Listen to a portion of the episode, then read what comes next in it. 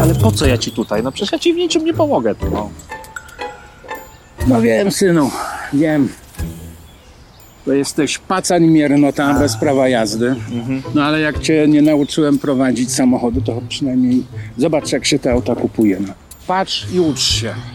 Tylko tego mi brakowało w piątkowe popołudnie. Zamiast śnić o niebieskich migdałach i o zimnym browcu, który odpali weekend, muszę chodzić ze starym na autobranie po jakichś szemranych komisach czy garażowych wystawkach, gdzie oczywiście czekają na nas sępy zwane typowymi mirkami.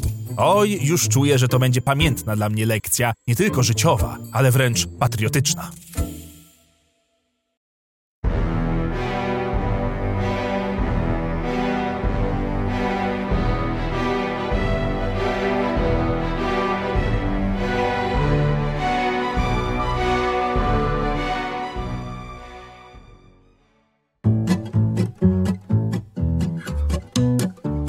Ojciec już w swoim żywiole. On to kocha takie przepychanki z tymi Alibabami z OLX-a. W szkołach handlowych powinni utworzyć oddzielny kierunek kształcący tylko i wyłącznie sprzedawców aut, bo to jest specjalizacja sama w sobie. Ci ludzie są geniuszami, potrafiącymi wcisnąć bliźniemu swemu największego szrota na parkingu w dosłownie kilku zdaniach. Albo to klienci tracą punkty IQ zaraz po przejściu granic ich kramów, tego w sumie nie wiem. Na pewno jednak odprawiają się tutaj jakieś czary, no bo przecież nikt normalny nie rozważyłby kupna auta, którego jedynym celem jest służyć jako surowiec na żyletki. Nie mówiąc już o próbie jeżdżenia nim. Ale ci złotouści czarodzieje potrafią z każdej wady zrobić zaletę lub ją ukryć pod stosem mglistych opisów i dwuznacznych niedopowiedzeń. Im dalej w proces wpychania, przepraszam, sprzedawania, tym teksty i argumenty są coraz bardziej absurdalne, żeby nie powiedzieć memiczne.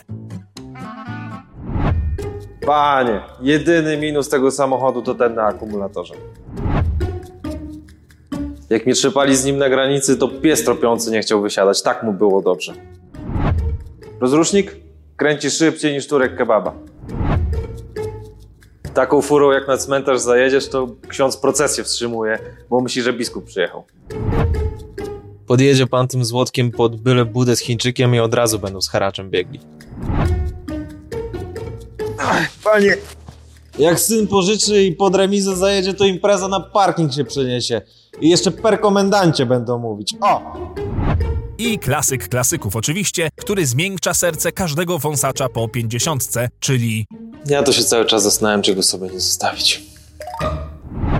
W ogóle co to jest za tajemnicza, przedpotopowa miara jakości, że autem kiedyś jeździł jakiś Niemiec? Kurwa, zamiast przebiegu ojciec się pyta, ilu Niemców nim jeździło i to jest dla niego ważniejsze. Bonusem zaś często jest płyta ze szwabskim disco polo, która została zapomniana w napędzie i teraz stanowi darmowy dodatek do samochodu.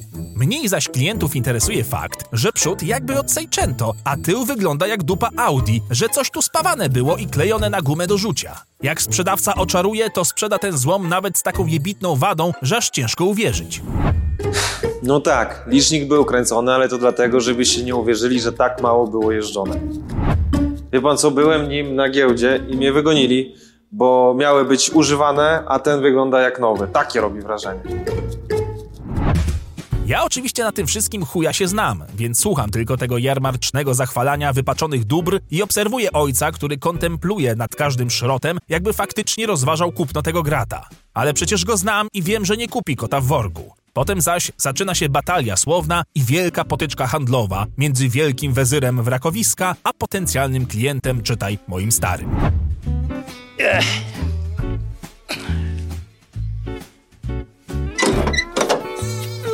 Ciężkie. To ile panie za ten szrot? No, za tego to 2000, dobry panie. To nawet tak nie dużo. No, euro oczywiście. A, kurwa, euro, oczywiście, oczywiście. A to jakąś klimę ma? Maj, to tak chłodzi, że idzie się przeziębić latem. A przyspieszenie? Jeszcze jak, młodego raz na rondzie poniosło, to aż się tęcza przypaliła. Kurwa. Czemu akurat w przypadku tak istotnej rzeczy, jakim jest środek transportu, który przecież z zasady powinien być bezpieczny, mało awaryjny i ogólnie w miarę niezawodny, tak dużo sprzedawców tnie w chuja i wciska ludziom każdy możliwy kit, byle tylko pozbyć się tego wraku z parkingu? Rozumiem, że każda potwora znajdzie swojego amatora, również w świecie używanych samochodów, ale niektórzy sprzedawcy są całkowicie pozbawieni etyki. Jakby dało radę, to by i auto bez silnika sprzedali, mówiąc, że jest zmęczone, ale jak się wyśpi, to jutro odpali. Jak staniesz nim pod drzewem, to ptaki się przesiadają, żeby nie nasrać. Poważnie.